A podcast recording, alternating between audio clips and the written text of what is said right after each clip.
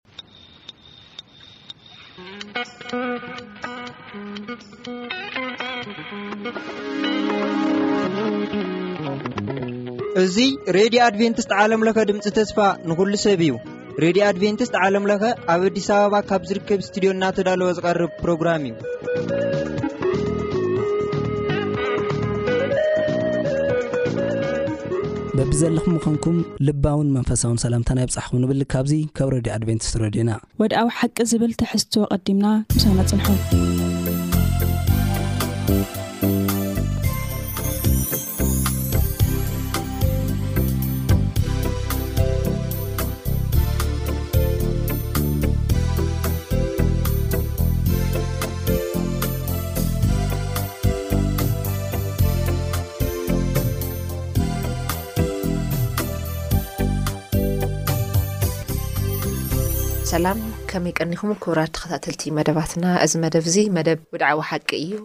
እዚ መደብ እዚ ሒዝናልኩም ዝቐረብና ከኣ ኣነ ሳሌም መስ ሓወይ ኣማን ፈሳዬ ብምዃን እዩ። ናብቲ ፕሮግራማት ቅድሚ ምእታውና ከኣ ሓውና ኣማን ብጸሎት መኣዲ ክኸፍተልና እዩ። ኣብ ሰማየ ሰማያት ትነብር ቅዱስ እግዚኣብሔር ኣምላኽና ነመስግነካ ኣለና እግዚኣብሔር ኣምላኽ ኣብዚ ግዜ እዚ ቃልካ ከፊትና ኣለና ከተምህረናን ክትመርሓናን ከም ፍቃድካ ክንነበር ውን ንስኻ ክትረድኣና ንልምነካ ኣሜን። ሓጢኣት በደልና ኩሉ ይቅረ ኢልካ እግዚኣብሔር ኣምላኽ ብመንፈስካ ክትቆጻጸረና ካብ ክፉእ ዝመጽእ ኮነ ካብ ክፉእ ኣብ ዙርያና ዘሎ ንስኻ ክትሕልወና ንልምን ብጎይታን መድሓንን የሱስ ክርስቶስ ስም ኣሜን። ኣሜን እምበኣርከስ እዚ ናይ ሕጂ ክፋል ሳልሳይ ትምህርቲ እዩ ጎይታና ይንገስ ብዝብል ኣርእስቲ ኢና ክንዘራረብ እዚ ናይ ሎሚ ሰሙን ዝተውሃበና መሪሕ ጥቕሲ ከዓኒ መዝሙር ቴስዓን ሰለስተ ፍቕዲ ሓደ እግዚኣብሔር ነጊሱ ግርማ ለቢሱ እግዚኣብሔር ለቢሱ ሓይሊ ተዓጢቑ ኣሎ ዓለም ከይትናወስሲ ኣጽኒዕዎ ኣሎ ብዝብል ናይ ሎሚ ሰሙን መሪሕ ጥቕሲ ዝተውሃበና እዩ። ኣብዚ መጽሓፍ እዚ ታይ ይብለና? መዝሙር መጽሓፍ ኣብቲ ዘይነቓነቕ ጽኑዕ መስረት እምነት ልዕልና እግዚኣብሔር ዝተሃነጸ እዩ። እግዚኣብሔር ነቲ ኩሉ ዝፈጠሮ ይናበዮ ይኣልዮ እውን እዩ። ንሱ ኣብ ልዕሊ ኩላ ምድሪ ልዑልን ሓያልን ገዛእን ንኹሉ ብፍትሕን ብጽድቅን ዘመሓድር እዩ። ሕጉን ስርዓቱን ቅኑዓት ነቶም ዝዕቅብዎ ድማ ሕይወት ዝህብ እዩ እሞ፣ እግዚኣብሔር ድማ ብፍትሒ ዘማሓድር ፍትሓዊ ዳኛ እዩ። ነቶም ጻድቃን ዝስልቦም ነቶም ሓጢኣተኛታት ድማ ብናትና ጊዜ ድሌትን ዘይኮነስ ብናቱ ጊዜ ዝቐጽዕ እዩ። እቲ ናይ እግዚኣብሔር ኪዳን ምስ እስራኤል መድሓኒት ስለ ዘጉልሕ ንብምሉኡ ዓለም ዓብይ ተስፋ እዩ። ጎይታ እግዚኣብሔር ንእስራኤል ካብ ኩላቶም ኣህዛብ መሪጹ ብፍሉይ ከም ውሉዱ ገበሮም። እግዚኣብሔር ብኪዳኑ እሙን ስለ ዝኾነ እቲ ናይ መጓሲኡ ኣብያ ግሁድ ዓመጻ እውን እንተኾነ ይጻወሮ እዩ። እቲ ልዑል ጽኑዕ ምሕደራ እግዚኣብሔር ንዓለም ኣብ ዘይናወጽ መሰረት እዩ ኣንቢርዋ ዘሎ። እቶም ዘመርቲ ድማ ንኣዳመጽቶም ነዚ መሰረታዊ ሓቂ ክግንዘቡ እዮም ዝደልይዎ። ነዚ ኣረኣእያ እዚ ድማ እዚ ከም ዓንዲ መብራህቲ ተጠቒሞም እዞም ዘመርቲ ንፈጣሪኦም ብዘይተመቓቐለ ኣቃልቦ የገልግልዎ ኣለዉ ይብለና። እዚ ሕጂ ክፋል ንሪኦ ብዛዕባ ልዕልና፣ ብዛዕባ ፍትሒ፣ ብዛዕባ ጽድቂ፣ ብዛዕባ ሓያልነት መንነት ናይ እግዚኣብሔር ኣምላኽ፣ ኢና ክንዛተ። ርኢኹሞ እንተ ኹንኩም እቶም ዘመርቲ እዚኦም ብዛዕባ እዚ እዮም ዝገልጹ። ብዛዕባ እቲ ክግለጽ ደይኽእል ናይ እግዚኣብሔር መንነት እዮም ዝገልጹ። ብኸፊሉ እዮም ተዛሪቦም። እቲ ከማይ ከማኹም ደካማታት እዮም ነይሮም፣ ከማይ ከማኹም ዝሓዝኑ ሰባት ነይሮም፣ ከማይ ከማኹም ብቐሊሉ ዝጉድኡ ናይ እግዚኣብሔር መንፈስ እንዳኸደ ግን እዚ ነገር እሱ ንኽሰርሑ ይሕግዞም ከም ዝነበረ ካብ ባዕሎም ከም ዘይነበረ ከኣ ንብዝሓለፈ ኣብ ክፋላትና ኣጽኒዕናልኩም ኣቕሪብናልኩም ነይርና ማለት እዩ። እምበኣርከስ እዚ ኣርእስቲ እዚ ሒዝና ጎይታ ይንገስ ልብል ብኸመይ መልክዕ ኢና ከነንግሶ? እቲ ዘማሪ ዳዊት። እቶም ዘመርቲ ካልኦቶም እዚ ብዛዕባ ናይ እግዚኣብሔር ልዕልና ዓለም ብደንቢ ኣይተረደኣቶ እዩ። ብዛዕባ ናይ እግዚኣብሔር ፍትሒ ዓለም ብደንቢ ኣይተረደኣቶን። ብዛዕባ እዚ ቅኑዕ ዝኾነ መንግስቲ ኣምላኽዚ ዓለም ብደንቢ ኣይተረደኦን። እንዶም ሕጂ ይጣመም እዩ ዘሎ። እዚ ነገርዚ ከመይ ጌርና ኢና ንዓለም ከነብርሃርሀሉ? እንታይ ሒዝና ኢና ክንገልጽ? ብባዕልና ዲና ክናብርሃርሆ ወይስ ከምቶም ቅድሚ ሕጂ እዞም ዘመርቲ ዝነበሩ መንፈስ ኣምላኽ እንዳተቐብሉ እዮም እንዳተቐበልና ኢና ክነብርሀርሎም ንኽእል? እስኪ ኣማን ንሰማዕትና እተመሓላልፍዎ ሓሳብ እንተሃሊካ። ሕራይ ኣብቲ ዝተዋህበ ኣርእስቲ ጎይታ ነጊሱ! ዝብል ቃል ከይድና ኣብ ንርእየሉ እዋን ክነግስ እዩ ዝብል ትርጉም እውን ኣለዎ። እዚ ዘርእየና ንጉስ ደይኮነን ንጉስ ደይኮነን ሓላፊ ደይኮነን ልዑል ደይኮነን ዝብል ሕቶ ከምጻልና ይኽእል ይኸውን እዩ። ነገር ግን ኣብ መዝሙር ዳዊት ከምቲ ቅድም ኢልኪ ዘንበብክዮ ምዕራፍ ቴስዓን ሰለሳን ፍቕዲ ሓደ እግዚኣብሄር ነገሰ ክብሪውን ለበሰ። እግዚኣብሔር ሓይሉ ለበሰ ተዓጥቀውን ንዓለም ከይትናወጽ ኣጽንዓ። ዙፋንካ ካብ ጥንቲ ጀሚሩ ዝተዳለወ እዩ፣ ንሰኻ ካብ ዘለዓለም ኢኻ። ኦ ጐይታ ኣፍላግ ልዕል ልዕል ኣበሉ፣ ኣፍላግ ድምጾም ኣልዐሉ፣ ፈለጋት ማለት እዩ፣ ወሓይዝ ህማሞም ኣልዐሉ፣ ካብ ድምጺ ብዙሕ ማያት ካብ ብርቱዕ ማዕበላት ባሕሪውን እግዚኣብሔር ብልዕልኑ ዝድነቕ እዩ። ምስክርካ የመና ዝተኣመነ እዩ፣ ኦ ጐይታ ንዊሕ ዘመን ንቤትካ ቅድስና ይግባእ ኢሉ ክዛረብ ከሎ ኢና ንርኢ። ስለዚ።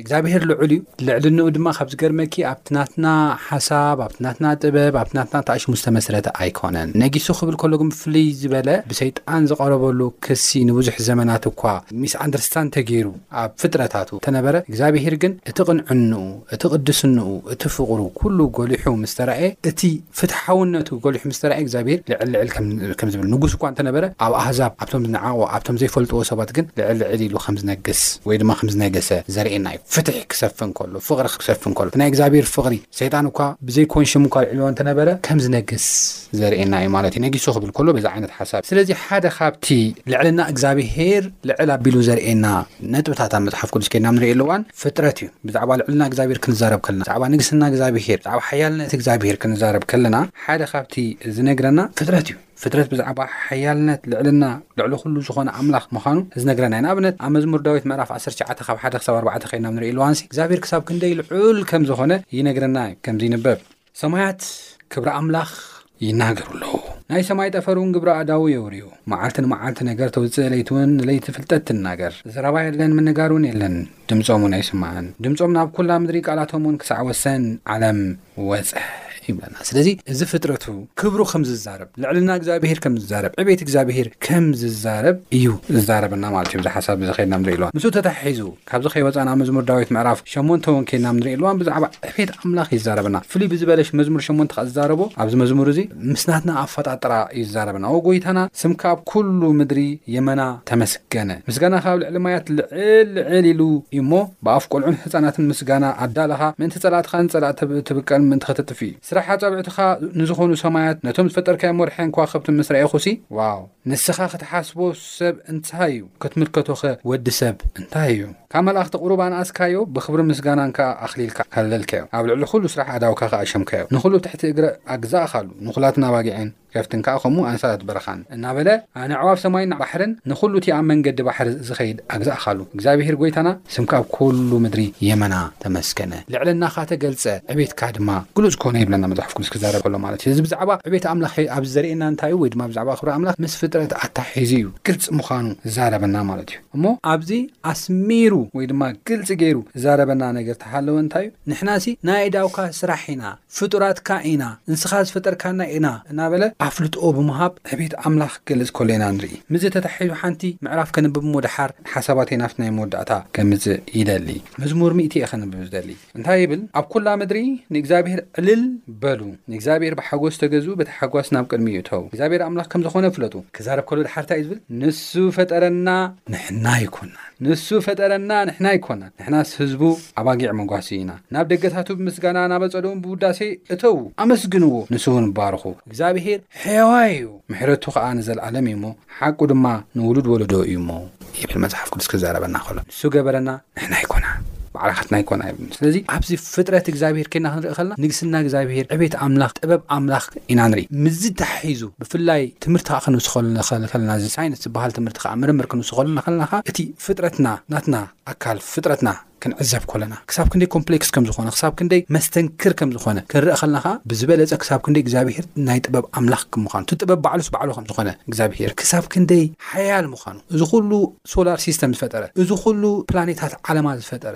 እዚ ኩሉ መልኣኽቲ ዝፈጠረ በብዓይነቱ ዝኾነ እንስሳ ዝፈጠረ እዚ ኩሉ ዩኒቨርስ ዝፈጠረ ኣምላኽ ኢልና ክንሓስብ ከልና ክሳብ ክንዲ እግዚኣብሄር ዓብዪ ምዃኑ ኢንፋክት እዚ ዓብዪ ዝብል ቃል ንባዕሉ ሲ ኣይገልጾን እዩ ኣይገልጾን እዩ እና ክሳብ ክንዲ ዓብዪ ምዃኑ ዘርኢ እዩ ማለት ስለዚ ፍጥረት ሓደ ካብቲ ዕቤት ኣምላኽ ልዕልና ኣምላኽ ዘርእዩ ዓበይትን ዋና ነገራትን እዮም ክብል ይደሊ ሓሳብ ክትብ ከለካ ኤምፕሮስ ልገበረኒ ሲ ስለ ናቱ ኣሰራርሓ ተናጊርና ኣይንውድኦን እንዲና እግዚኣብሄር ሲ እዚ ፈጣርነቱን ሕያዋይነቱን ዝተታሒዙ እዩ ዝኸይድ ቅንዕንኡን ሲ ከምዚ ኣይነጻጸልን እዩ ለምሳሌ ሰይጣን እቲ ናይ መጀመርያ ስርሑ ነበረሲ ስእሊ ናይ እግዚኣብሔር ምቕያር እዩ መበለሻ ነይሩ ሮቴት ገይርዎ ብዙሓት ሰባት ከኣ እንተዛዊዖም ካብቲ ናይ መንገዲ ኣምላኽ ከም ዝረሓቑ ን- ንርኢ እዋ እዚ መጽሓፍ እዚ እዚ መዝሙር እዚ እዚ ቕርጺ እዚ ንምስትኽኻል ዝተጽሓፈ ይመስለኒ ብመዝሙር መልክዕ እዩ ቐሪቡ ንሕና ስርሒት ኣምላኽ ኢና ናይ ኢዱ ውጽኢት ኢና እሞ ከኣ ንወሪዱ ክሰርሐና ከኣ ክንዲ ምንታይ ዝኣክል ውርድ ከም ዝበለ ካብ ዙፋኑ ትሕት ከም ዝበለ ይኽእል እዩ ቃልካ ምእዛዝ ብቓልካ እቶም ሰበ ስልጣን ወሪዶም ኣይሰርሑ ብቓል እዮም ድእዙዙ ትፈልጦም ኢኻ እዚ ግን ክንድምንታይ ዝኣክል ነቲ ናትና መንነት ንኽሰርሕ ዙፋናቱ ለቒቑ ከም ዝመጽእ ናይ ጎይታናን መድሓንናን የሱስ ክርስቶስ ንነዊሕ ዓመታት ተዘንቲውልኩም እዩ ዙፋኑ ለቒቑ ዝመጸ ኣምላኽ እዩ ዘለና ማንም ንጉስ ኣብ ምድሪ ማንም ኣብ ዓለም ኣይ ዶኖ ዘይተነግረ እንተ ደኣ ሃልዩ ዙፋኑ ገዲፉ ናቕኹም ውርድ ኢሉ ክነብር ዝኽእል ናይ ምድሪ መንግስቲ የለይ ብዘይካ እቲ ሓደ ሓደን የሱስ ማለት እዩ እዚ ናይዚ እዚ ናይዚ ዙፋን መንበረ ታይ ድበሃል እዩ ዝንገር ደሎ። ኣይተረዳእናይን ንእሽቶ ኢና ንፈልጥ እግዚኣብሔር ሕያዋይ ንብል ካብኡ ብላዕሊ ሕጂ ለምሳሌ ናይ ዓለምና ምሁራት ብዛዕባ ኣሰራርሓ ኢድ ኣምላኽ ብደንቢ ዝገልጹ እዞም ተመራመርቲ እዮም ጥልቂ እዩ ፀሓይ ክሞኪሮም ክዛረቡላ ጀሚሮም ስለ ፀሓይ ግን ኣይ እኒኤዎ ልቐርዮም ብዙሕ ነገር እኒኤዎም ብዙሕ ብዛዕባ ስርሒት ኣምላኽ ተዛሪብናስ ዘይንወፆ ነገራት እኒኤና ግን ካልእ ይትረፍ ኣብቲ ኣካልና ንባዕሉ ዓሚቑ እዩ ካባና ንላዕሊ ካብ ፍልጠትና ንላዕሊ ካብ ሰብ ኣእምሮ ንላዕሊ። ብጣዕሚ ብዙሓት ሰባት ተሓከምቲ ተስተዕውልዎም ተኾይንኩም ካብ ማንም ደይኮነስ ካብኡ እዩ ዝወርሀሎም እቲ ጥበብ።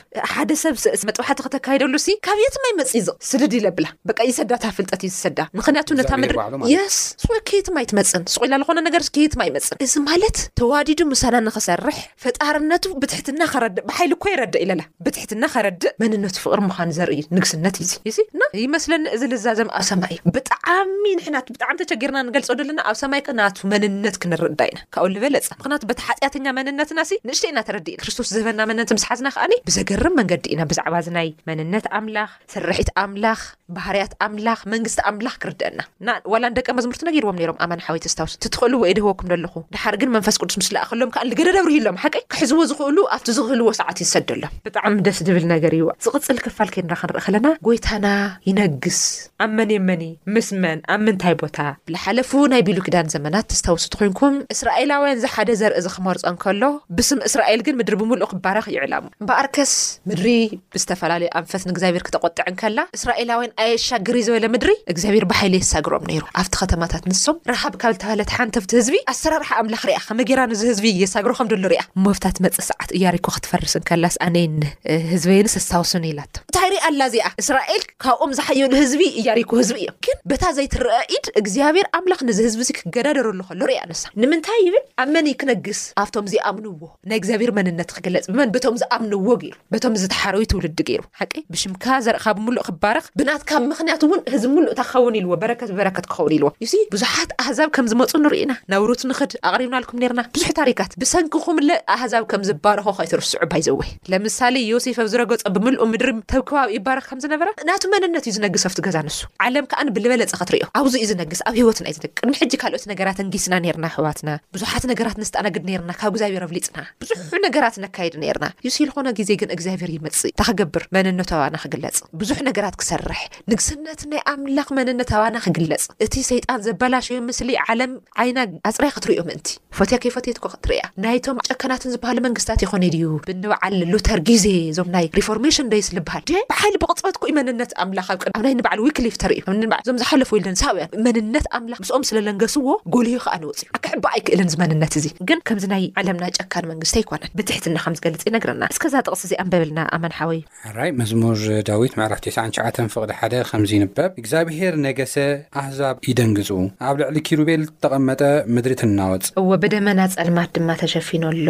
መንነቱ ከኣኒ ብ ኣብ ውርድ ኢልና ክንርኢ ከለና ተስዓን ሰለስተን ተስዓን ኣርባዕተን ዝብል ቃል ኪንዳ ክንርኢ ከለና ብትሕትና መንነቱ ተላዊሱ ንዓለም ምሉእ ይገልጽ መንነቱ ይብለና እዞም ስእላዊ ኣገላልጻታት ድማ ንልዕልና ንግስነት እግዚኣብሄር ኣእምሮ ሰብ ካብ ዝርድኦ ንልዓሊ እዮም ክውን ነገር ዝገልጽዎ ይብለና። ስለምንታይ ክእለት ምሕደራ ኣምላኽ ከመይ እዩ ለምሳሌ ንጻዲቅ እንዳ ፈወሰ ንሓጥኢ ከመይ ከይገብር ብናይ ዋዕሉ ግዜ ኩሉ ማእከላይ ጌሩ ከም ዝጸንሕ ለምሳሌ ናይ ምድሪ መንግስታት ንዝበደለት ኣዮም ምቅጻዕ ሓቀይ ንጽቡቅ ንዝገበረ ሽላ ኣብ እግዚኣብሔር ግን ከምዚ ዓይነት ዝብሃል ነገር የለን ንክልቲኦም ጽቡቅ ዝኮነ መንገዲ እዩ ዝደልየሎም you see ከመይ ጌሮም ናብቲ መኣዲ ክምለሱ እዩ ዝገብሮም። ኮይኑ ግና ኩላቶም ደቂ ሰባት ብፍላይ ግና ምድራዊ ገዛእቲ ኣይኮኑን ከምኡ ዝገብሩ። ግዝኣት እግዚኣብሔር በቶም ንህዝቢ ብምጭካን ንእግዚኣብሔር ዝኸሕዱ ዘላግጹ እኩያት ክወሓስ ከሎ ይረኣ። መዝሙረ ዳዊት ዓሰርተ ኣርባዕተ ንርኢ። ናይ ምድሪ ሓይለታት ልገብርዎ መንግስታት ተደልዮም ነቲ ልደለይዎ የውጽእዎ ነቲ ሓደ ከኣ ይሽግርዎ። ከምዚ ዓይነት ነገራት መፈንጥራታት የዘጋጅዩ ናይ ምድሪ ነገስታት። እዚ ናይ ንሕና ንገልጾ ዘለና ንጉስ ግን ነቲ ዓማጽን ነቲ ተዓማጽን ንክልቲኡ መንገዲ እዩ ዘዳሊ። ጽሩይ ልኾነ ብናይ ባዕሉ ግዜ ምኽንያቱ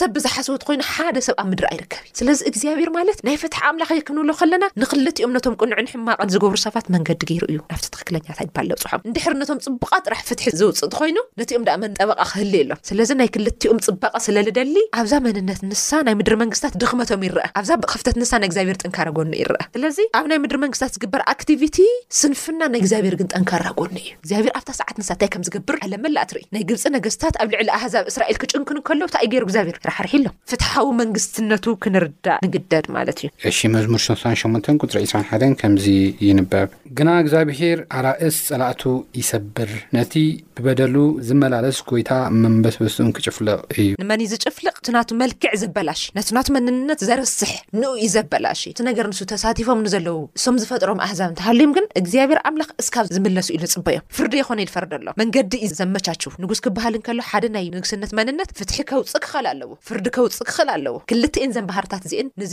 ኣብዚ ዝነገሰሉ ዘመን ምሉእ እዚኤን ባህርያት ክህልዮ ክኸል ኣለዎ። እግዚኣብሔር ኣምላኽ ከኣ ናይ ፍትሕን ናይ ፍርድን ኣምላኽ እዩ። ፍርዲ ክበሃል እንከሎ ከኣኒ ኩለና ከም ንፈልጦ ንዘመናት ምሉእ ምድሪ ግብረ መልሲ እንዳ ተቐበለት መጺኣ እያ። ጽቡቕ ዝኾነ ግብረ መልሲ እንታይ እንተ ገይራ ካብ መገዲ መፈንጥራ ኣምላኽ እንተ ደኣ ኣርሒቓ እንተ ደኣ ኣርሒቓ እውን እስካ ትምለስ እውን ይጽበ እዚ እውን ናይ ፍትሒ ኣምላኽ ምዃኑ ቀዲሙ እንታይ ኣይገብርን ኣይፈርድን ግን እንተ ደኣ ኣውዮም ግን መንፈስ ኣምላኽ ይርሕቕ ሓቀይ ይብል እግዚኣብሔር ን ከም ድሌቶም ኣሕሊፉ ይህቦ። እቲ ነገር ከም ዘረጋግዑ ይነግረና እና መንነት ኣምላኽ ኣብ ልዕሊ ማ እቲ ዝፈጠሮ ንምንጋስ እንታይ እንታይ ክግበር ኣለዎ? ኣተሓሕዛ ዘይክእል ነገር ልዕልንኡ ንግስነትኡ እዚ ድማ እግዚኣብሔር ነጊሱ ዝብል ኣዋጅ መዝሙር ቴስዓን ሰለስተን ከም ዘሎ ከም ዝረኣናዮ ከመይ ገይሮም እዮም ከንግስዎ? እንታይ እዮም መጀመርያ ክኾን ደለዎም እቶም ሰባት? መጀመርያ መንነት ኣምላኽ ተለይ ፈሊጥና ከነንግሶ ኣይንኽእልን። ጽባሕ ንጎላይ ክነርስሖ ንኽእል ኢና። ጽባሕ ንጎ ምስ ዓመጽቲ ተሓባቢርና ሕግታቱ ክነፍርስ ንኽእል ኢና። ስለዚ ንእግዚኣብሔር ክነግሶ ንኽእል ብንመርጾም መንገድታት እዩ፣ ብንኸዶም ስጉምትታት እዩ፣ ብንውስኖም ኣካይዳታት ብምልኦም እዩ። ስለዚ እቶም ዘመርቲ ክዝምሩ እንከለዉ እዚ ውሳነ እዚ እንዳወሰኑ ንቕድሚት እንዳሰጎሙ ንግስነት ከም ዝሃብዎ ኣብ መንጎ እስራኤል ነጊሱ እግዚኣብሔር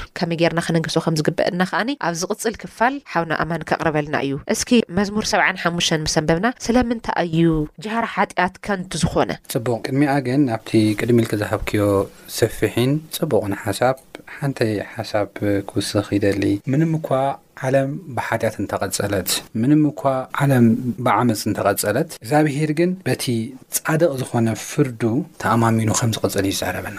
ዓለም ኩላ እኳ እንተኸሓደት፣ እዚ ሓድሓደ ግዜ እሞ ኩሎም ተኺሒዶም ደኣ ሓቆም እዮም ማለት እዩ ናብ ዝብል ኣዝማምያ ወይ ድማ ግጉይ ዝኾነ ፍርዲ ዝህቡ ሰባት ኣለው። ነገር ግን ኣብ ኢሳያስ እውን ክዛረበና ከሎ በቃ ወላ ዓለም ኩሉ እንተኸሓደት ዓለም ኩሉ ካብ እግዚኣብሔር እንተረሓቐት እግዚኣብሔር ግን ብጽድቁ ተኣማሚኑ ከም ዝነብር እዩ ዝዛረበና ማለት እዩ። ብማንም ዓመጽን ብናይ ውሳኔን ዝልወጥ ኣምላኽ ከም ዘይኮነ ናይ ጽድቂ ኣምላኽ ከም ዝኾነ ዘርእየና ጅግና ኣምላኽ። ምዃን ዝሓተትክዮ እግዝኣብሄር ኣነ ብጣዕሚ ዝገርመኒ ቁኑዕ ፈራዲ እዩ ኣብ መእተዊ ክንርኢ ከለና ውን ቅድም ኢልካ ከተንብበልና ከለካ ውን እግዝኣብሄር ቁኑዕ ፈራዲ እዩ ኢልና ኢና ጀሚርና እዚ ቁኑዕ ፈራዲ እዩ ክንብል ከለና እንታይ ማለት እዩ ክጅመር ከሎ ፍርዲ ሕጊ ዘይብሉ ፍርዲ የለን ኣብ ቤት ፍርዲ ሕጊ ኣሎ ኢንፋክት ኣብዚ ናይ ሕግታት ኣቲኪ ሕጊ መውጽኢ ሕጊ ኣፈጻሚ ዝበሃል ኣሎ። ስለዚ ኣብዚ ከይዲ እዚ ፍርዲ ብዘይ ሕጊ ዋጋ የብሉን። ስለዚ እግዚኣብሄር ኣብ መዝሙር ዳዊት ምዕራፍ ቴስዓን ትሽዓተን ፍቕዲ ሸውዓተ ከይና ኣብ ንርእየሉ እዋን እግዚኣብሄር ፈራዲ እሞ ብዓምዲ ደመና ተዛረቦም ይብለና። ንሳቶም ከኣ ነቲ ዝሃቦም ትእዛዝን ሕጋጋትን ሓልው። ባዕሉ ሕጊ ሂብና ከም ዝነበረ፣ እንነባበረሉ ሕጊ፣ ከም ፍቓዱ እንመላለሰሉ ሕጊ ሂብና ከም ዝነበረ፣ መጽሓፍ ቅዱስ ይዛረበና ማለት እዩ። ነገር ግን እዚ ሕጊ ተዋህበና ከንፍጽሞ ብዘይምኽኣልና ካብ እግዚኣብሔር ከም ዝረሓቕና ሰባት ይዛረብ እዩ። ቀጺሉ ኣብ መዝሙር ዳዊት ምዕራፍ ቴስዓን ሸሞንተን ፍቕዲ ትሽዓተ ድማ ከይድና ኣብ ንርእየሉ እዋን ንሱ ምድሪ ክፈርድ ክመጽእ እዩ በቲ ዝሃበና ሕጊ ብኻልእ ኣይኮነን በቲ ዝሃበና ሕጊ ክፈርድ ክመጽእ እዩ እሞ ንሱ ንዓለም ብጽድቂ ንኣሕዛብ እውን ብቕንዕና ክፈርድ እዩ ብጽድቂ ብቕንዕና ክፈርድ ይብለና። ካብ ዝገርም ደሓር ብዛዕባ ናይ እግዚኣብሄር ማንነትን ብዛዕባ ናይ እግዚኣብሄር ፍርድን ክዛረበና ከሎ ኣብ መዝሙር ዳዊት ምዕራፍ ቴስዓን ሸውዓተን ፍቕዲ ክልተ ከምዚ ይዛረብ ደመናን ጠቓን ኣብ ዙርይኡ እዮም ጽድቅን ፍትሕን ከኣ ናይ ዙፋኑ መሰረት እዮም። ናይ ዙፋኑ መሰረት ንባዕሉስ ጽድቅን ፍትሕን እዮም። በዚ መልክዕ እዚ እዮም ኣብ መወዳእታ ክተኣሽሙ ዝግበሩ ማለት እዩ። ስለዚ ሕጊ ሂቡ ንዓለም ብጽድቂ ከም ዝፈርዳ ብቕንዕና ከም ዝፈርዳ ኢንፋክት ናይ እግዚኣብሄር ዙፋን መሰረት ድማ ከምቲ ቅድም ኢለ ዘንበብክዎ ጽድቅን ፍትሕን ከም ዝኾነ ኢና ንርኢ። ስለዚ ኣብ ናይ እግዚኣብሔር ፍርዲ ክጣመመኒ እዩ፣ ከምዚ እባ ክኸውን፣ ከምዚ እባ ክኸውን ዝበሃል ምንም ስግኣት ከም ዘየለ እዩ ዝዛረበና ማለት እዩ። ብጣዕሚ ዝገርም። እዚ ካብ ሓዝና ናብቲ ቀጻሊ ቅድም ኢልኪ ዝበልክዮ ኣብ መዝሙር ዳዊት ምዕራፍ ሰብዓን ሓሙሽተን ዘሎ ሓሳብ ከኣ ከይድና ኣብ ንርእየሉ እዋን ኣነ ብጣዕሚ ዝገርመኒ ካብ እግዚኣብሔር ሓደ ዓቢ ክንመሃሮ ዘለና ከም ናይ እግዚኣብሔር ባዕሊ ብዘጥፈኣ ቁጽሪ ኣይቀጽዕን። ሕጂ ብዙሓት ሰባት ልምድና እንታይ እዩ ሰብ ኣጥፍቶ ኢሉ ኣታ እንታይ ጌርካ ፎልት ፋይንደርስ ይበሃሉ ከምዚ ዓይነት ሰባት ኣጥፍእ ክትብል ከለኻስ ዳይረክትሊ ይነግሩኻ ንምንታይ ከምዚ ጌርካ ጸቕጥቕጥ ኢሎም ይንብሩኻ ተደይኮኑስ ሓድሓደ ግዜ ኣክሽን ውን ይወስዱልካ እዮም ተግባር ውን ክእስሩኻ ክእሉ ንሸይቶ ኮንካ ወይ ወዶም ተኮንካ ክቀጽዑኻ ክእሉ ገምታት እዚ ትክክለኛ ኣግባብ ኣይኮነን እዚ ትክክለኛ ኣግባብ ኣይኮነን እግዚኣብሔር ታይ መዲቡ ኣሎ እዩ ዝብል ናይ ፍርዲ ግዜ መዲቡ ኣሎ እዩ ዝብል ኣብ መዝሙር ዳዊት ምዕራፍ ሰብዓን ሓሙሽተን ፍቅዲ ኣብ ቁጽሪ ክልተ ክንታይ ይብል ነቲ ምዱብ ግዜ ምስ ረኸብኩ ኣነ ሓቂ ክፈርድ እየ ይብል ምዱብ ግዜ ከም ዝመደበ ኢና ንርኢ እሱ ኢሉ ኣሽሚ ይገብር ከም ዘሎ ኢና ንርኢ ስለዚ ምዱብ ግዜ ፎልት ፋይንደርስ ዘይምዃን እዩ እቲ ምዱብ ግዜ ንምንታይ እዩ መዲቡ ብቕንዕና ንክፈርድ ንምንታይ እዩ ምዱብ ግዜ ሕጂ ዘይፈርድ ሰብ ልክዕ ፎልት ፋይንደር ዘይኮውን እግዚኣብሄር ዝብሉ ሰባት ክህልው ይኽእሉ እዮም ነገር ግን እግዚኣብሄር ናይ ፍቕሪ ኣምላኽ ስለ ዝኾነ እዩ ክሳብቲ ምዱብ ግዜ ዝበፅሕ ሰባት ንስሓ ክኣትዉ እንደገና ናብ እግዚኣብሄር ክቐርቡ ክድሕኑ ስለ ዝደሊ እዩ ካብ ዝገርመኪ ኣብ መዝሙር ዳዊት ምዕራፍ 14 ፍቕዲ ክልተን ከምኡውን ኣብ ዘፍጥረት ምዕራፍ 6 ፍቕዲ ሓሙሽተን ከይና ንርኢ ኣለዋን ማይንድ እዩ ኣብ ዘፍጥረት ምዕራፍ 6 ፍቕዲ ሓሙሽተ ብዛዕባ ማይ ኣይሂ ይዛረበን ሰባት ካብ እግዝኣብሄር ክሳብ ክንደይ ዓሚጾም ዓሚጾም ዓሚጾም ከይዶም ከም ዝነበሩ እዩ ዝዛረበና። ብጣዕሚ ማለት እዩ ዝተዋህቦም መስመር ንባዕሉ ጥሒሶም ኣብ ዓመጽ ክሳብ ክንደይ ኣትዮም ከም ዝነበሩ ኢና ንርኢ ማለት እዩ። ኮነ ግን ኣብ ዘፍጥረት ምዕራፍ ሽዱሽተ ሸሕ ፍቅዲ ሓሙሽተ እንታይ ይብለና ረኣየ ይብለና። ዋላ ሓጢኣት እናሰርሑ እናፈለጦም ከሎሲ ይምርምሮም እዩ ነይሩ። ይምርምሮም ጥራሕ ደይኮነስ በቲ ከኣ ንህልኢኹስ ይሰብኮም እዩ ነይሩ። ስለዚ ኣብ ከይዲ እቲ ምዱብ ግዜ ፍርድን ምርመራውን ከም ዝህሉ ኢና ንርኢ። ሕጂ ንዓና ልቢ ክንብሎ ዘለና ክቡራት ሰማዕትና እቲ ፍርዲ እኳ ኣብ መወዳእታ እንተ ኾነ ፍርድን ምርመራን እናተኻይደ ከም ዘሎ ግን እቲ ተግባርና ኩሉ እናተመርመረ ከም ዘሎ ግን ክንርስዕ የብልናን። እናተመርመረ እዩ ዘሎ። ሕድሕድ እንዛረቦ ነገራት፣ ሕድሕድ እንገብሮ ነገራት፣ ሕድሕድ እንውስኖ ነገራት ውሳኔታት ብምሉኡ እናተመርመረን ረጅስተር እናተገብረን እናተጻሕፈን ከም ዘሎ ኣብ ናይ ሰማይ መዝገብ እዩ ክንርድኦ ዘለና። ነዚ እዩ ክንጥንቀቕ ዘለና ስለ ንዛረቦ ነገር፣ ስለ ንውሰኖ ውሳኔ፣ ስለ። እንገብሮ ተግባራት ክንጥንቀቕ ዘለና ነዚ እዩ። እምበኣር ኣብ መዝሙር ዳዊት ምዕራፍ ሰብዓን ሓሙሽተን ፍቕዲ ክልተ ናይ ፍርዲ ግዜ መዲቡ ኣሎ ምስ በለ እቶም ብእኡ ዘይኣመኑ ከም ዝፍረዱ እዩ ዝዛረበና ማለት እዩ። ቁጽሪ ሸሞንተ ከነብብ ይደሊ። ጽዋዕ ኣብ ኢድ እግዚኣብሄር እዩ እሞ ዘይተሓዋወሲ ወይኒ መልኣሉ ካብዚ ናብቲውን ሓዋወሶ ግናኸ ሓተሉ ኣይፈሰሰን ኩሎም ሓጥኣን ምድሪ ድማ ክሰትይዋ እቶም ንስሓ ክኣትዉ ዘይደልዩ እንደገና ድማ ካብ ሓጢኣት ናብ ሓጢኣት ብምኻድ ሓጢኣት እናወሰኹ ዝኸዱ ሰባት ኣብ መወዳእታ ቅፅዓት ከም ዝረኸቦም፣ ቁጥዐ እግዚኣብሄር ከም ዝረኸቦም ይዛረበና ማለት እዩ። ነገር ግን እቶም ብእግዚኣብሄር ብምትእምማን ከም ፍቓዱ ዝመላለሱ ሰባት ግን ካብ እግዚኣብሄር በረኸትን ምድሓንን ኣኽሊል ህይወትን ከም ዝፅበዮም እዩ ዝዛረብ ማለት እዩ። መፅሓፍ ቅዱስ ናብ ትንሳኤ ህይወት ከም ዝትንስኡ እዩ ዝዛረበና ማለት እዩ እሞ እዚ እየ ክብል ዝደሊ። ፅቡቕ ጎይታ ይባርኽካ ኣብ ዝቕፅል ክፋል እንታይ ይብል ሲ ብዛዕባ ዳኝነቱ ናይ እግዚኣብሔር ክጽሕፍን ክዛረብን ከሎ ኣብ ዝቕጽል ኣርእስቲ ኩሉ እዋን እዩ ብዛዕባ ኪዳኑ ዝሓስብ ኩሉ እዋን ለምሳሌ ልኾነ ነገር ቅድሚ ምግባሩስ ክፈርድ እንከሎስ ኣይ እዛ ኺዳን እዚኣ ኣትየ ነይረ ለምሳሌ ንኖህ ኣትዩሉ ነይሩ ሓቀይ ንኖህ ክኣቲ እንከሎ እዞም ድሕሪ ዝመፁ ዘርኢ ካብ ኖህን ንኖህን ዝመረፁ ኣምላኽ ዘይኽብር ትውልዲ ተመስሪቱ ሰማይ ጠቀስ ህንፃ ማለት እዩ እግዚኣብሔር ነዚ ነገር እዚ እንታይ ይገብሮ ነይሩ? ከምዚ ኣማን ዝበለኩም ይምርምሮ ነይሩ። ብቐሊሉ ብዘይስበርሉ መንገዲ ግን ቀስ ኣቢሉ እንታይ ገይርዎም? እታ መንገዲ ሽፍታ ቀይርዋ። ይኽእል ነይሩ እዩ ከምታ ትማሊ ዘጥፍኦም ከጥፍእ። ግን እቲ ናይ ትማሊ ዝበሎ ከ ኪዳኑ ዘኪሩ። ኩሉ እዋን ብዛዕባ ኪዳኑ ዝሓስብ ኣምላኽ እዩ። መንግስታት ቃል ይኣትዩ ለምሳሌ ስልጣን ከለዉ ድሕሪ ግዜታት ነቲ ዝደለይዎ ዕላማ ኣጀንዳ የውዕሉ። እግዚኣብሔር ኣምላኽ ግን ትማሊ ምስ ኣብርሃም ዝኣተዮ ክፍጽም ክብል ሎማዕንቲ ዘጥፋእና ሰባት ከኣ ብሰንኪ ምስ ኣብርሃም ዝተኣተየ ቃል ኪዳን ብሰንኪ ኖህ ዝተኣተወ ኪዳን እቲ ፍርዲ ዝነበረ ይመልሶ ምሕረት ይገብር ማለት እዩ። ከምዚ ምስ ዝበለ ኣምላኽ ኢና ክንነብር ንጽዋዕ ዘለና። ከምዚ ገይሩ ምስ ዝምሕረና ኣምላኽ ማለት እዩ። ማንም ዘይዕደሎ፣ ማንም ዘይዕደሎ ማለት እዩ። ሕጂ እንታይ ኢና ክንገብር? ናብዚ ናብ ፍርዲ ይኹነይ ናብ ለይኮነ ልመርሐና ኣምላኽ ብኸመይ መንገዲ ኢና ክንኸዶ? ትማሊ ብዙሓት ሰባት ካብ ዝነበርዎ እዮም ናብ እግዚኣብሔር ከይዶም። በቃ ካብ ዝነበርካዮ ኢኻ ትኸይድ። ታይደኣ ካብ ዝነበርካዮ ኔርካ ዝቕበለካ ሓደ እግዚኣብሔር ጥራሕ እዩ። ስለዚ እቲ ትማሊ ኪዳኑ እንዳዘከረ ዝምሕረካ ኣምላኽ ንኡ ምሕጓስ ዘይሐይሽ? ኣታ እቲ ንትምሕሮ ሰብስ እንታዋይ እኮ ኢሉ ዳዊት? እዚ እግዚኣብሔር እዚ ነቲ ኪዳኑ እንዳዘከረ ምሕረት ዝህብ ኣምላኽ ዕድመ ልክዕና ምግልጋል ይሕሸና እንዳ መሓረ ግን ኣምላኽ ከምቲ ኣማን ድበለኩም ከይትርስዕዋ ሓንቲ ስድድ ዘበላ ዘረባ ነይሩ ይምርመር እዩ ግን ዘሎ እቲ ሓሳባትና እቲ ከይድና ይምርመር እዩ ደሎ መጨረሻ ፍጹም ዝኸውን በተን ንሕና መጨረሻ ንዛዝሞ መንገዲ እዩ ግን ተን ከውለን ንገብረን መንገድታት ኣምላኽ ጨካን ስለለይኮነ ርሕሩሕ ዝኾነ መንግስቲ ስለለኾነ ኣሕዋተይ ኣበየናይ ምድሪ ኢና ደለና ተልኩምኒ ይቅርታ ግበሩለይ ካብ እግዚኣብሔር ወጻኢ ዘሎ ነፍሲ ኣብ ናይ ሰይጣን መንግስቲ እዩ ዘሎ። እቲ ናይ ሰይጣን መንግስቲ ከኣን ኣይርህርህን ርኢኹሞ ኢኹም ህዝብና ብምሉእ ብጦርነት ተወዲኡ ብደም ምፍሳስ ተወዲኡ ብገለ ተወዲኡ ሰይጣን ድኽእል እግዚኣብሄር ግን ናይ ፍርድን ናይ ፍትሕን ናይ ቃል ኪዳን ኣምላኽን ስለልኾነ በቲ ኪዳን ንሱ እስካ ሕጂ እንታይ ገይርዋ ኣሎ እታ ምድሪ ኣጽኒዕዋ ቃልይ ካብ ልሓልፍስ ሰማይን ምድርን ይሕለፍ ሓቀይ ኢሉ ካብ ማንም ብላዕሊ ጽሉዕ ስለልኾነ ኪዳኑ ዘስታውስ ኣምላኽ እዩ ብዘይቁጸር ነገራት ብጣዕሚ ኢና ቀይምናዮ እና ግን ከምዚ ገይሩ ዝርህረህልና ኣምላኽ ኢና ንፈልጥ እምበኣርከስ እስከ ናብ ጥቕሱ ንኸድ እሞ ሚእትን ሸሞንተን ፍቕዲ ሸውዓተ ካብ ሸውዓተ ክስካብ ዓሰርተ ሓውን ኣማን ከንበበልና እዩ ንሱ እግዚኣብሔር ኣምላኽና እዩ። ፍርዱ ኣብ ኵላ ምድሪ እዩ። ናይ ዘላለም ኪዳኑ እንተ ኽሳዕ ሽሕ ትውልዲ ዝኣዞ ቓሉን ዘከረ። ነቲ ንኣብርሃም ዝገበሮ ነቲ ንይስሃቅ ዝመሓለሉን ንያእቆብ ስርዓት ክኸውን ንእስራኤል ድማ ኪዳን ዘልኣለም ክኸውን ኣጽንዖ። እግዚኣብሔር ኣምላኽ ኣብቲ ክፍጽሞ እየ ዝበሎ ሰዓት ህዝቡ ኣኽቢሩሉ ካብ ናቱ ዝወጸ ሓረግ እቲ ክፍጽሞ ዝደለዮ ጽኒዕዎ እና እቲ ኣምላኽ ኣብርሃም ኣምላኽ ህዝቢ ክኸውን ሕጂ በቲ ናይ ትማሊ ዝተዛረቦ ኪዳን ዙፋኑ ለቒቑ ንምምጻእ ድሉው ከም ዝኾነ እታ ዙፋኑ ለቒቑ ትብል ቃል ግን ከምኡ ክንብል ክለና ብጣዕሚ ዝወረደ እዩ ዝመስለና እግዚኣብሔር ንመን ክብል እዩ ዝወርድ ነቲ ዝፈጥሮ ህዝቢ ክብል ስለምንታይ ሰማይ ብዘይካ ሰብ ባዶ እዩ ንሱ ስለልኾነ እዩና እዚ ነገር እዚ ኣምላኽ እዚ ክትመርፅዎ ንዕድመኩም ኣብ ዝቕፅል ክፋል ኩላቶም ምስክራት ርግፀኛታት እዮም ኣብ መዝሙር 19 ፍቕዲ 7 ተንበበልና እሞ እዞም ርግፀኛታት ዝኾኑሉ መንገዲ እንታይ እዮም ተጠቒሞም ዝብል ሓውና ኣማን ሓሳብ ክበልና መዝሙር ዳዊት ምዕራፍ መዝሙር ምዕራፍ ዓሰርተ ትሽዓተ ፍቕዲ ኣርባዕተ ከምዚ ዝብል ሓሳብ ኣሎ፣ ገሊኣቶም ብሰረገላታት ገሊኣቶም ብፍራስ ይምክሑ፣ ንሕና ግና ብስም እግዚኣብሄር ኣምላኽና ልዕል ልዕል ክንብል ኢና።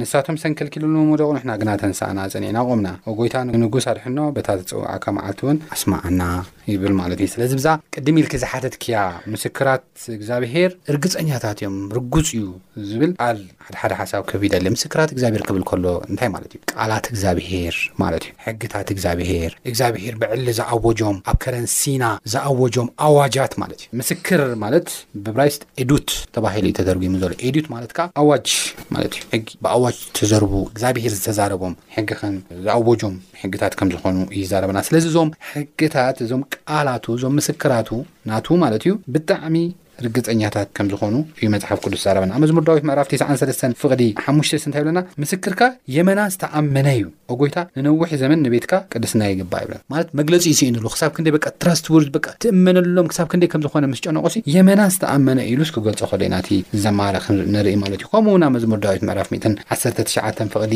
ሚእትን ስሳን ሓሙሽተን እውን ኴንና ኣብ ንርእየሉ እዋን ተመሳሳሊ ሓሳብ እቲ ምስክራት እግዚኣብሔር ክሳብ ክንደይ ዝተኣመነ ከም ዝኾነ ይዛረበና ማለት እዩ። ከምዚ ይንበብ ነቶም ንሕግኻ ዘፍቅሩ ብዙሕ ሰላም ኣለዎም ዝዕንቅፎም እውን የለዎን ይብለና። ስለዚ ነቶም ንሕግኻ ዘፍቅሩ ዝእመኑ ከኣ በቃ ሰላም ከም ዘለዎም ይዛረብ ማለት እዩ። ስለዚ እግዚኣብሔር ከምቲ ቅድም ኢልና ዝበልናዮ ከም ሉዓላዊ ፈጣሪ ከም ሉዓላዊ ዳኛ ዝሃቦ ምስክርነት ኣሎ እዩ፣ ዝሃቦ ቃል ኣሎ እዩ፣ ዝሃቦ ሕጊ ኣሎ እዩ፣ ኣብ ቅድም ኢለ ኣንቢበዮ ነይረ እየ። ኣብ ዝሓለፈ ጥቕሲ እውን ከይናምርእ ኢልዋ ማለት እዩ። ስለዚ እዚ ኣምላኽ እዚ እቲ ዝሃቦ ምስክርነት እቲ ዝሃቦ ቃል እሙን እዩ እዩ ዝብለና ዘሎ። in fact ባህሪ እግዚኣብሄር እውን ዝገልጽ እዩ። ልክዕ ሰማይን ምድርን ከም ዝፈጠረ ሰማይን ምድርን ከኣ ኣጸኒዑ ከም ዝነብር እቲ ናይ እግዚኣብሄር ምስክራት ድማ ኣዝዩ ዝተኣመነ ከም ዝኾነ እዩ ዝዛረበና ማለት እዩ። ነገር ግን ናይ እግዚኣብሄር ሕጊ ፍትሓዊ ከም ዝኾነ ጽኑዕ ከም ዝኾነ ንእመነሉ ከም ዝኾነ እግዚኣብሄር ከኣ በቲ ቃሉ ዝነብር ኣምላኽ ከም ዝኾነ እዩ ዘርእየና ማለት እዩ። ስለዚ እግዚኣብሄር ሕጊ ዝሕልዉ ዘሰናኽሎም ነገር ከም ዘየለ መጽሓፍ ቅዱስ ኣብ መዝሙር ዳዊት ምዕራፍ ሚእትን ዓሰርተ ትሽዓተን እንታይ እዩ ዝብል ሕግኻ ንእግረይ መብራህቲ ንመንገደይ ድማ ብርሃን እዩ